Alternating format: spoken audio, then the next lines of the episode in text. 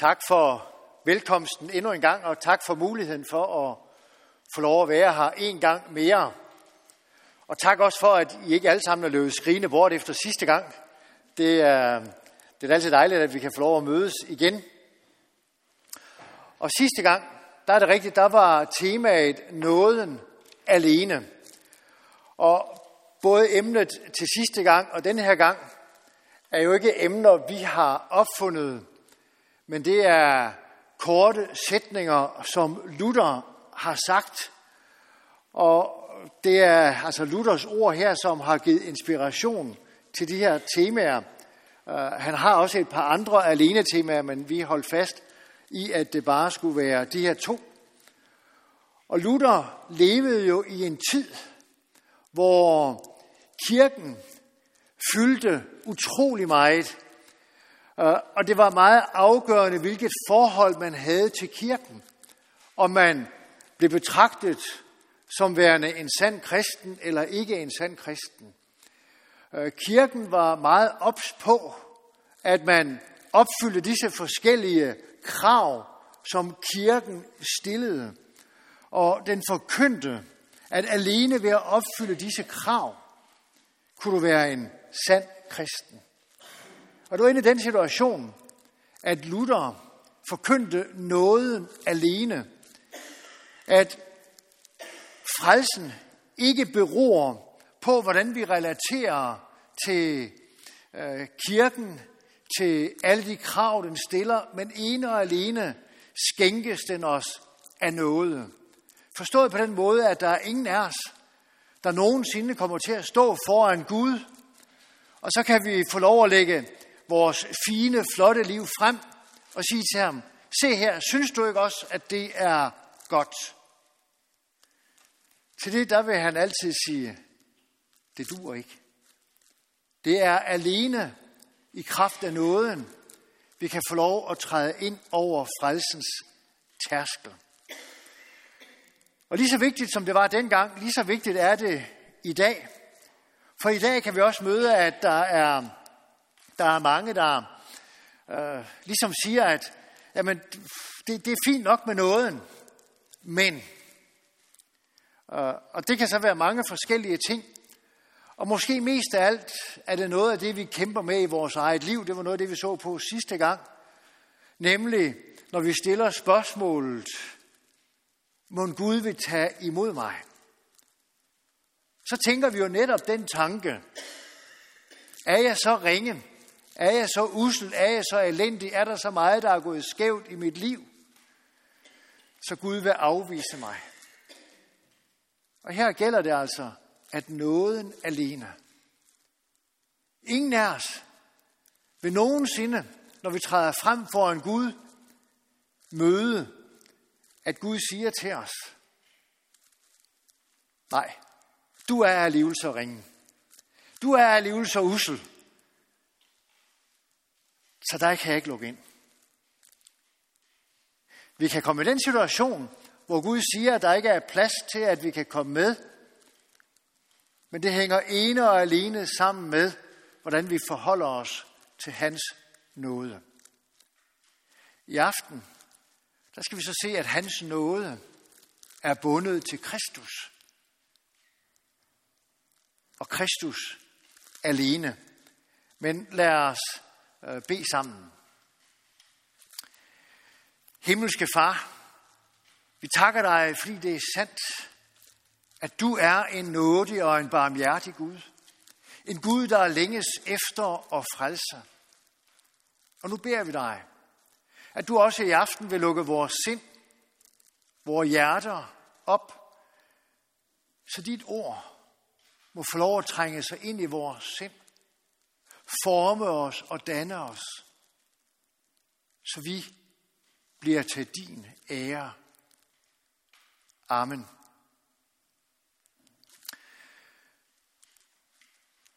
I forbindelse med det her, så fortæller øh, biskop, øh, den tidligere biskop i Sverige, Bo Hjerts, i bogen Stengrunden, øh, han fortæller sådan om et ganske bestemt sogn, Øh, og det gør han i tre forskellige tidsperioder. Og i den ene tidsperiode, der ser der sådan en gammel præst i sovnet, og han har fået tildelt en ung øh, hjælpepræst. Og den her unge hjælpepræst, han er sådan en ung, øh, energisk fyr. Øh, så han møder op, og han brænder for, at mennesker skal få lov at høre om Jesus. Og han bliver lidt bekymret for den her gamle præst her. Fordi den her gamle præst, han har sådan en hel masse billeder hængende på væggen af folk i uniformer. Og det synes han åbenbart ikke, at den her unge præst, det synes han ikke, at man kunne. Øh, så han vil lige gøre den her gamle præst opmærksom på, at han jo nu har fået en troende præst øh, i sit hul. Så han bekendtgør for den her gamle præst, jeg er troende. Hvor til den gamle præst siger til ham, det lyder da godt. Hvad tror du på? Og nogen præst, han bliver sådan helt forvirret, og så siger han, jamen jeg tror da på Jesus. Nå, siger præsten. Jamen det er da, det er da godt og rigtigt. Men tror du det? Tror du det er en gerning, som Gud øh, vil kreditere dig for? Så siger han, jamen det, det er vi da nødt til. Vi er da nødt til at tro på Jesus og leve med ham. Ja, siger den gamle præst, det er også rigtigt. Men hvis du tror, at det hæver dig op på et højere stadie, så er det faktisk sådan med os, at Gud, han er, han er den, der i Kristus kommer som den fine mand med sin spacerstok med guldknop. Og så går han hen ad vejen. Så ser han der i rendestenen en gammel, bulet blikdåse. Dåse, som er beskidt, og som dem, der går forbi, for det meste sparker til. Men han får øje på blikdåsen. Så tager han sin fine spacerstok, stikker den ind i dåsen og løfter den op. Og når han kommer hjem, så gør han den ren. Og så sætter han den på sin kaminhylde. Det er Kristus. Ikke engang vores tro. Det, at vi har givet Jesus vort liv, kan vi prale af. Men alene, at Kristus har samlet os op. Og det er sådan, vores tro skal være vendt. Luther siger det sådan her, at Gud har givet den endelige åbenbaring af sig selv til os ved at sende os Jesus Kristus. Jesus siger det til os på mange forskellige måder. Han siger det blandt andet til Filip, hvor han siger, at den, som har set mig, har set faren, altså den, som har set mig, øh, har set Gud. Øh, Paulus siger det i øh, Kolossenserbrevet kapitel 1, vers 15 på den her måde her, at han, altså Kristus, er den usynlige Guds billede. Al skabnings førstefødte. Og hermed understreger skriften altså for os, at skal vi overhovedet gøre os et håb om at se Gud, så må vi se Kristus. Fordi Kristus, Gud har åbenbaret sig. Og sådan har det været. Ikke, ikke alene siden juleaften for snart 2.000 år siden, eller for godt 2.000 år siden. Men sådan har det været siden skabelsens morgen. For da Gud skaber, der siger Bibelen os, at der skabte han i Kristus. Du og jeg, at vi overhovedet blev til, skyldes altså Kristus. På samme måde gælder det med frelsen. At der overhovedet er en frelse, som er mulig for os, skyldes alene Kristus. For det er i ham, Gud har åbenbaret sig. Luther siger videre, at kun gennem Guds nådige selvåbenbaring i Jesus lærer vi Gud at kende og får del i Guds riget.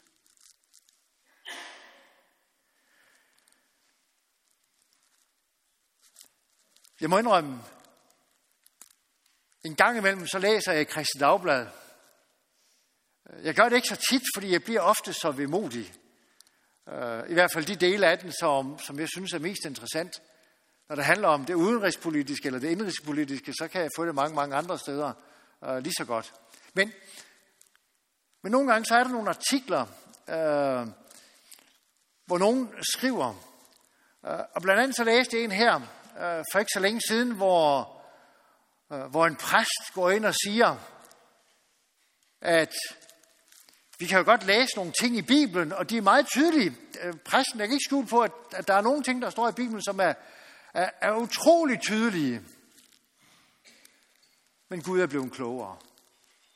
Gud er blevet klogere. Jeg tænker mig så spørge, hvem har bestemt det?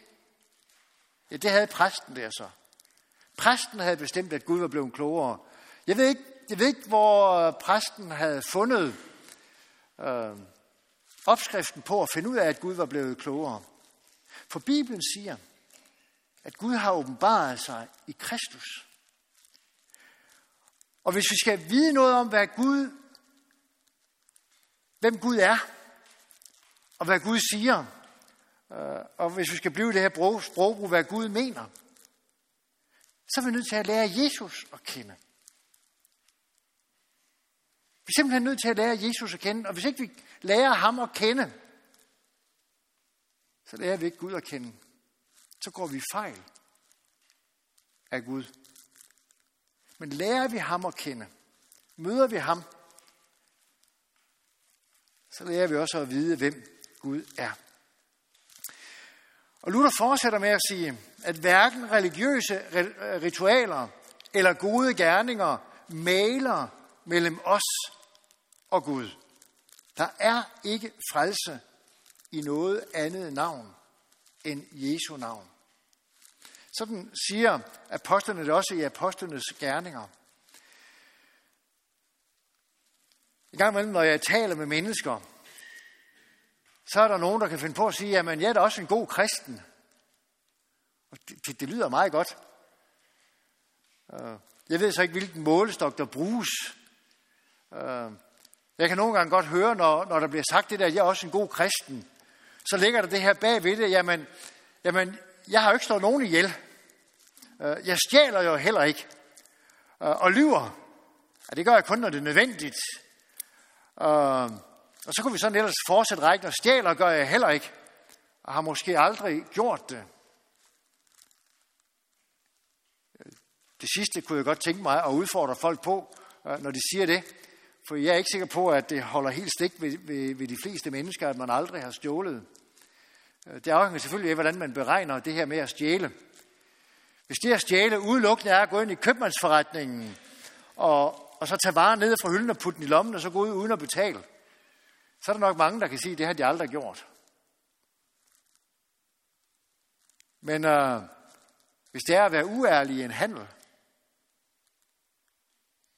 hvis det er, når man solgte sin bil, lod være med at fortælle, at øh, koblingen måske var gået, eller, eller noget andet, så man fik en lidt højere pris for den. Ja, det er jo handel, ikke også? Altså, har man, har man det, altså skal, man fortælle, skal man fortælle sådan nogle ting, når man handler? Det ved jeg ikke. Men hvis du sælger en trepattet ko, vil det så ikke være ærligt at fortælle, at den kun var trepattet? Det er i hvert fald det, missionsfolk ofte har fået skyld for, at de solgte trepattede køer, som om, at de alle fire virkede. Og jeg ved så ikke, om det er blevet bedre øh, når man... Ja, man kan vel ikke sige, at man sælger en trækpattet bil, men øh, hvis man sælger en bil, som ikke er det, man giver, giver den ud for at være. Eller du kan selv fortsætte tanken. Men om du så skulle have overholdt alle disse ting, og aldrig nogensinde trådt ved siden af, så gavner det dig ikke en tødel. Det åbner ingen døre ind til Gud. Nej, jeg siger ikke, det er ligegyldigt, hvordan du lever. Men jeg siger, det åbner ingen døre ind til Gud. For der er ikke frelse i noget andet navn end Jesus.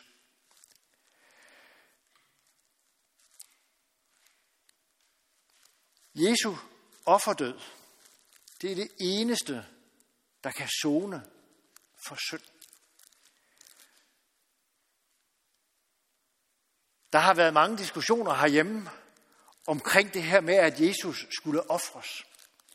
Og rigtig mange synes, at det er, det er noget forfærdeligt, grusomt noget. Øh. Mange synes, at det moderne menneske kan det slet ikke holde ud at høre på, at nogen skal ofres, og så oven i købet Guds eneste søn. Altså hvem i alverden af os øh, kunne drømme om at ofre en søn for at redde nogen. Jeg har selv tre sønner. Og jeg skal ærligt indrømme, ikke på noget som helst tidspunkt overvejer jeg og lad dem bøde for noget som helst hos nogen som helst andet end det, som de selv står til ansvar for. Øh, det er så en anden sag. Tværtimod, så er det faktisk sådan, at jeg langt hen ad vejen vil være villig til at ofre mig selv for at redde dem, men aldrig det modsatte. Hebræerbrevets forfatter siger det sådan her. Mens de andre præster, altså dem, som, som gjorde tjeneste i helligdommen i Jerusalem og tidligere i uh, telthelligdommen, uh, de har været flere efter hinanden. Fordi døden forhindrede dem i at fortsætte deres tjenester. Aaron var jo den første præst, der gjorde præstetjeneste i Guds helligdom. Men han blev afløst af en lang, lang, lang række af andre præster, fordi han døde, og det gjorde alle de andre også. Men siger Hebræerbrevets forfatter, Jesus, han har oprettet et uforgængeligt præstedømme. Det vil sige et præstedømme, der aldrig skal afløses. Der kommer ikke andre. Der er ikke nogen, der går ind og tager over. Han har gjort det helt og fuldt. Og derfor siger Hebræerbrevets forfatter, derfor kan han, som den eneste, der nogensinde har været og nogensinde vil være i verden, der kan han helt og fuldt frelse alle dem, som kommer til ham.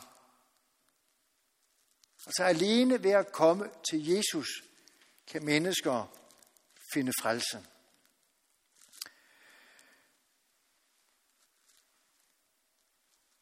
Fordi Gud er hellig, og alle mennesker er syndere, er det nødvendigt for os, at der er en, der træder imellem os. Det kan ikke bare, det kan ikke bare rettes op. Og Bibelen siger virkelig, alle er syndere. Jeg har i de senere år ført nogle forskellige samtaler med gode kristne venner. Øh, og nogle af mine gode kristne venner, øh, de øh, fastholder, at der er en uskyldens periode i et menneskes liv. De vil så ikke sætte alder på, hvor lang tid den er. Men den går fra undfangelsen og så ind til, og det afhænger, af, det afhænger lidt af, hvem de er. Nogen siger 9 år, nogen siger 8 år, nogen siger 18 år. Nogen, altså, ja, jeg, jeg, ved ikke, altså, jeg ved ikke, hvordan det, hvor det skæld sætter. Men Bibelen siger, at alle, alle har syndet. Uden undtagelse. Selv det lille søde spædebarn, der ligger der og ser nok så uskyldigt ud, er en sønder, der er skilt fra Kristus, eller fra Gud. Og alene Kristus kan redde også det barn. Alene Kristus. Ingen anden. Paulus, øh, han taler ind øh, i en situation, hvor han jo er jøde, og så taler han om, om alle de fortrin, jøderne har haft op igennem øh, årtusinder, ved at Gud åbenbarede sig specifikt for det folk, for at forberede verden på at modtage Kristus. Og så stiller han det her retoriske spørgsmål. Betyder det da, at vi som jøder har nogle fordele. Øh, og så siger han, at de havde den fordel, at de havde Guds ord, men, men derudover, så har de overhovedet ingen fordele. Og så siger han, vi har jo allerede anklaget både jøder og grækere for at være under synd, som der står skrevet. Der er ingen retfærdig. Ikke en eneste. Det er, det er hård tale. Det er hård tale. Der findes ikke en eneste retfærdig.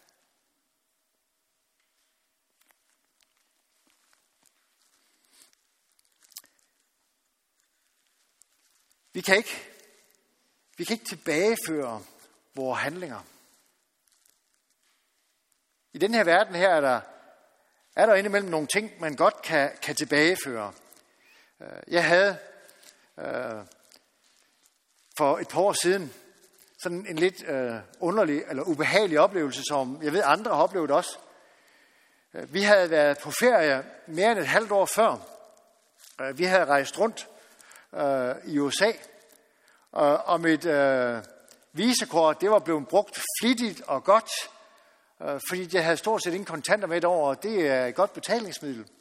Og vi var rejst hjem, og, og alt var i den skønneste orden, indtil et halvt år efter, som lige op til jul. Øh, og, og jeg er sådan den, der jævnligt tjekker min konto, specielt når jeg, når jeg bruger mit kort. Og det havde jeg gjort op til jul også der. Så jeg skulle lige tjekke, at de forskellige ting, de nu er blevet betalt rigtigt, også dem, jeg havde købt på internettet. Og pludselig kunne jeg se, at i den anden del af USA, altså ikke den del, vi har rejst rundt i, men den, der lå på østkysten, vi har rejst rundt over på vestkysten, men der var der en, der havde købt fire dæk øh, på mit visakort. Øh, og der var blevet hævet øh, et par tusind kroner for det. Øh, det har været nogle gode dæk, han har købt, når han skal give så meget for dem over der. Men øh, jeg kontaktede banken, og de havde så allerede opdaget, Øh, at pengene var blevet hævet. Øh, og de kunne godt se, at det dagen før, der havde jeg hævet penge i, øh, i Randers. Og så kunne de godt regne ud, at så kunne jeg altså ikke hæve penge i staten New York mindre end 12 timer efter. Øh, og så havde de jo selvfølgelig lukket mit øh, kort. Og jeg gjorde indsigelse. Og mindre end en uge efter, så var pengene ført tilbage på min konto. Givet det havde været sådan, når det handler om vores synd. Hvis vi kunne sige til Gud, Gud, det her, det, det, var faktisk ikke med, det, var, det var faktisk ikke med vilje, jeg gjorde det. Det var faktisk slet ikke min mening. Gud, kan du ikke lige føre, kan du ikke lige akkreditere mig igen på min konto? Det kan ikke lade sig gøre. Men gælden kan slettes ved at den anden går ind og betaler. Og her øh, kan det være et godt eksempel at lære af at kigge ind i den gamle bibelske helligdom. Den, som Moses fik besked på at opføre i ørkenen. For i helligdommen, øh, den som også senere hen blev et forbillede for øh, tempelbygningen i Jerusalem, der var der alene en eneste indgang. Og når man kom ind i helligdommen, ind i det, der hedder forgården, fordi det er det åbne område her, det er det, der hedder forgården. Selve helligdommen, det er den store kasse, som står øh, derom bagved med det blå øh, du på. Men kom man ind der, var der kun én vej til selve Guds bolig. Og det var forbi det alter, som I kan se, der står der i forgrunden. Alteret, hvor offeret blev bragt. Der var ingen mulighed for at møde Gud, uden man skulle forbi alderet. Skal vi sådan set lidt anderledes illustrere, så kan vi prøve at se på en tegning, der er tegnet ovenfra. Her har vi selve helligdommen, og øh, det her over, øh, det lysegrå og det mørkegrå, det er, øh, det er det, der som hedder helligdommen. Det, udenom, det, det foregår, når egentlig ikke selve helligdommen. Det er kassen der, eller bygningen der. Øh, og det mørke af det, det var der Guds trone stod. Det var der ypperste præsten kun måtte gå ind en gang om året, og aldrig uden offer. Men når man gik ind, Så gik man ind, og det er for jer til højre. I kan se der, hvor det grønne kom nu. Det var indgangen. Der var ikke andre indgange end den. Og så er det jo tydeligt, at vejen ind alene går forbi offeralderet. Og til det er der altså mennesker, der siger, jamen jeg tror da på Gud. Og en domprovst i København, der lige har været ude og sige noget om, at, at andre religioners tro på Gud, den også er, kan være sand. Og for at sige det ganske mildt, så har han taget større ord i munden, end han har ret til. For sådan er det ikke.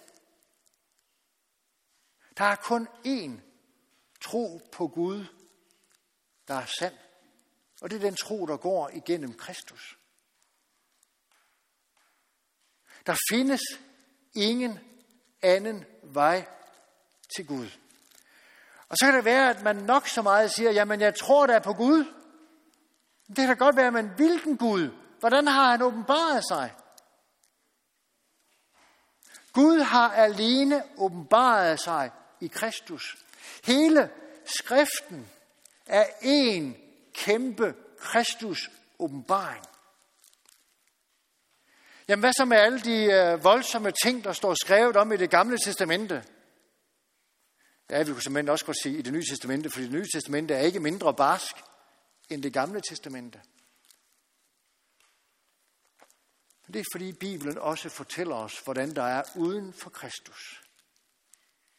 Hele Bibelen er en lang åbenbaring af Kristus.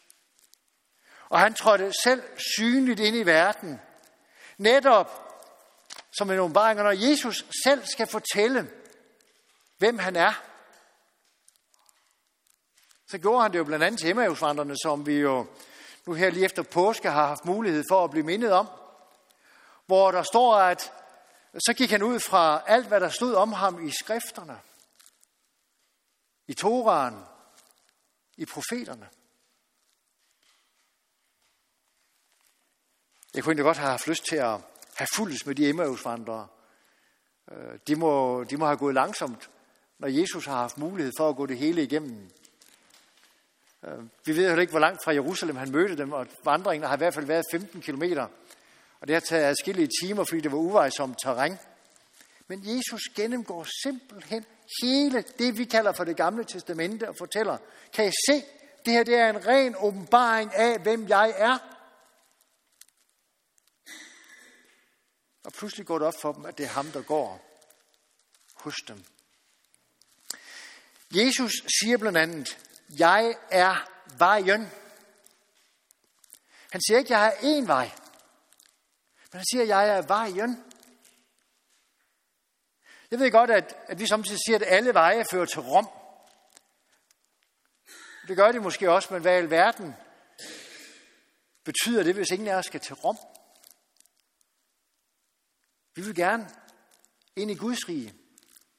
Og alle veje fører ikke ind i Guds rige. Der er alene én vej, der fører ind i Guds rige, og den vej hedder Kristus. Kristus og ham alene. Jesus selv siger det sådan her i uh, Johannes evangeliet. Således elskede Gud verden. Han siger ikke bare, at Gud elsker verden. Men han siger, på den her måde elsker Gud verden. Det var sådan Gud gjorde det. Og ikke på nogen som helst anden måde. Ene og alene på den måde, at han gav sin eneste søn. Og som refleks på det her, så siger apostlene, hvor de på et tidspunkt bliver anklaget, der er ikke under himlen givet mennesker noget som helst andet navn. Der er ikke givet os noget som helst andet navn. Nåden i Kristus, eller nåden er bundet til Kristus. Der er ikke andre veje ind. Og hvad betyder så det her? Hvad betyder det? Ja, det betyder først og fremmest, at det Kristus har gjort, er tilstrækkeligt. Det rækker. Det er nok. Der skal ikke mere til, og der kan ikke føjes mere til. Det eneste, der åbner vejen ind til Guds hjerte for os, det er Kristus. Men han gør det så også fuldstændig helt og aldeles. Et fantastisk budskab. Jeg fik lov til at opleve det for mange år siden. For pludselig gik det op for mig, at sådan som mit liv var, så ville jeg være evigt fortabt. Og jeg forsøgte, om jeg kunne sove den nat, og jeg sov vel også noget. Uh, ung var jeg jo, så... Og alligevel så sov jeg ikke. For jeg var fuldstændig overbevist om, at hvis jeg vågnede op næste morgen og var død, så ville jeg være i helvede. Og så rådførte jeg mig med en, som jeg havde fået tillid til. Og denne her ene her, han sagde til mig, det du skal gøre, det er, at du skal bede Jesus om at komme ind i dit liv. Så gik ham og jeg et sted hen, hvor vi kunne bøje vores knæ, og så bøjede vi vores knæ. Og så sagde jeg ganske enkelt til Jesus, Jesus, jeg ønsker ikke at gå fortabt. Vil du ikke godt komme ind i mit liv? Jeg ved, mange af jer har oplevet det anderledes. Men jeg oplevede det som sådan her.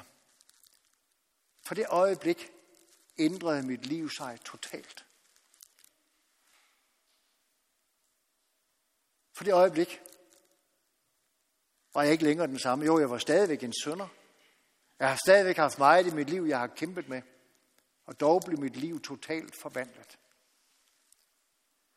Gud trådte bogstaveligt talt i Kristus ind i mit liv og fortalte mig, at det han havde gjort var tilstrækkeligt til, at jeg helt og fuldt måtte være hans barn.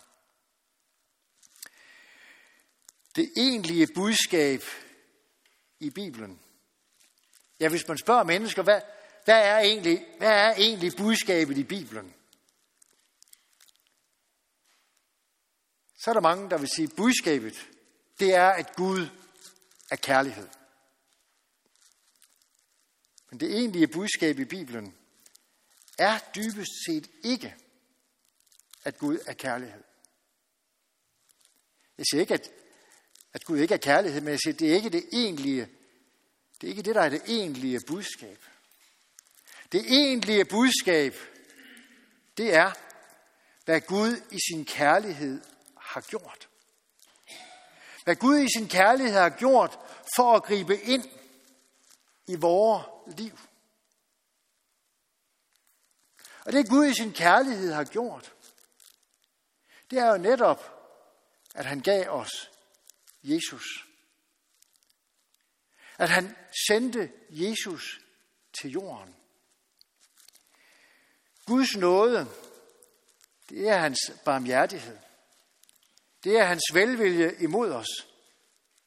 For Jesu skyld. Og hvor fantastisk er ikke det? Ofte når jeg er ved alterbordet, så slår det mig, at her, der bliver der ikke spurgt, om jeg tilhører en bestemt etnicitet. Der bliver ikke spurgt om, hvilken uddannelse jeg har. Der bliver ikke spurgt om, hvor vellykket øh, mit liv har været. Der bliver alene spurgt, om jeg tør våge og tro, at det Gud i Kristus har gjort, er nok for mig. Og derfor, derfor er det mig for det meste en kæmpe fryd. Det er ved alderbordet at modtage ordene, og brødet og vinen bliver ragt til mig. Dette er Jesu Kristi lægeme. Dette er Jesu Kristi blod, udgydt for dig. Og for mig er det sådan, at når jeg så synker begge dele, så fylder det mig med en usigelig glæde, fordi jeg bogstaveligt talt får Kristus inden i mig. Alt det, jeg kan gøre i mit liv, er dybest set blot noget udvendigt. Nogle gange har jeg våget at bruge det billede, at mit liv, det er det ligesom en græsplæne. Øh, på mine gamle dage her, der, der er jeg blevet lidt nørdet med min have. Det har jeg aldrig sådan rigtig været før, men, men, men det er blevet. Øh, vi har sådan en lille kolonihave. Den er også overkommelig. Vi har kun 400 kvadratmeter, øh, og noget af det er lagt i terrasser, og der er et lille hus på, og, øh, og så har vi så det her græsplæne der. Og jeg går vældig op også med græsplæne. Den skal være fin, den skal være pæn. Og jeg indrømmer, at sidste sommer, øh, den var hård ved den. Øh, og jeg kæmper med at få den restaureret efter sidste sommers øh, øh, vandalisme imod min, øh, mod min græsplæne. Men, men den skal være flot. Der skal ikke være nogen mælkebøtter. Der skal ikke være noget ukrudt, der stikker op. Så, så her om foråret her, der ligger jeg faktisk på min knæ dem, der kender mig, vil ryste på hovedet og sige, det, det, det tror vi ikke om dig, men, men det er rigtigt, jeg ligger på min knæ, og så piller jeg ukrudt op, også med en græsplan. Og det skal være flot. Renser den for mos. Og en gang med, så sker det, at en nabo kommer forbi, og så spørger han, hvordan i verden holder du din græsplæne sådan der? Så siger jeg så, det foregår med øh, blod, sved og tårer, siger jeg så til ham. Og så går det igen, fordi det var ikke det svar, de håbede på. Men jeg ved godt, at det skal bare gøre det samme som sidste år. Rejse væk fra min have i seks uger. Så er mælkebøtterne der. Så er brændnælderne der. Så er alle de andre ting, der, der pipler op i græsset, så er de der. For de er nede i jordoverfladen, men jeg kan med min iver og med min ihærdighed holde dem væk fra overfladen. Men jeg skal bare et eneste øjeblik vende ryggen til, så er det der. Og nøjagtigt sådan er det i mit liv. Jeg kan godt kæmpe øh, i mit liv for at holde rigtig, rigtig mange ting væk. Jeg går ikke rundt og slår folk ihjel. Hvad der ingen, der kan se, det er, at jeg godt en gang imellem inde i mit hoved kan tænke, sikke en kæmpe idiot. Ja, undskyld mig, men sådan kan en missionær altså også godt tænke. Det troede jeg nok ikke, men, men, men sådan, sådan foregår det en gang imellem inde i mit hoved. Og Jesus siger, at selv det er lige så alvorligt, som at stå et andet menneske ihjel. Jeg kan godt lade være med, når jeg bliver sur på nogen, og så pande dem en.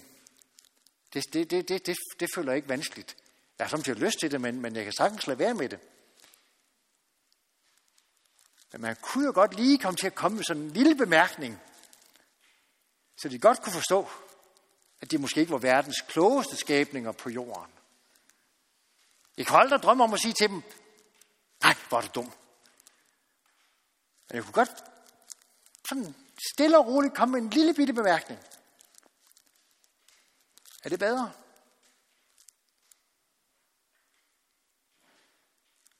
Kristus,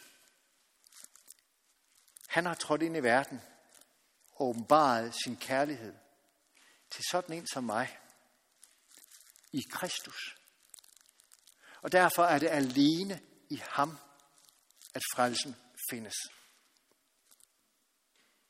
Og kære venner, på dommens dag, der nytter det ikke engang at sige, at du er kommet trofast i hans tavsens hus hele dit liv. Men det nytter at komme til ham og sige, Gud, jeg har ikke andet at hænge fast i end Kristus.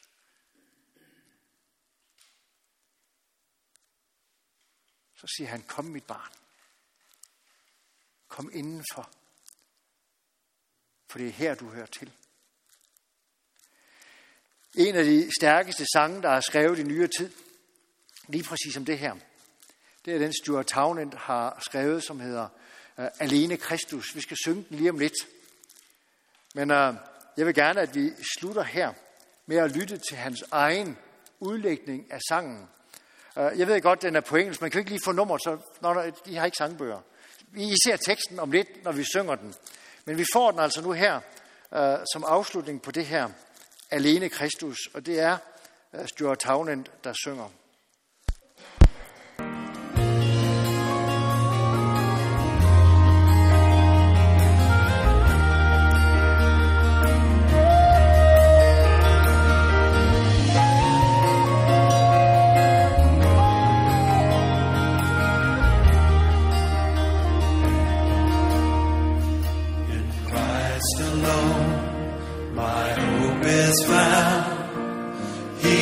my light, my strength, my song. This cornerstone, this solid ground, firm through the fiercest drought and storm. What heights of love, what depths of peace, when fears are still, when striving cease.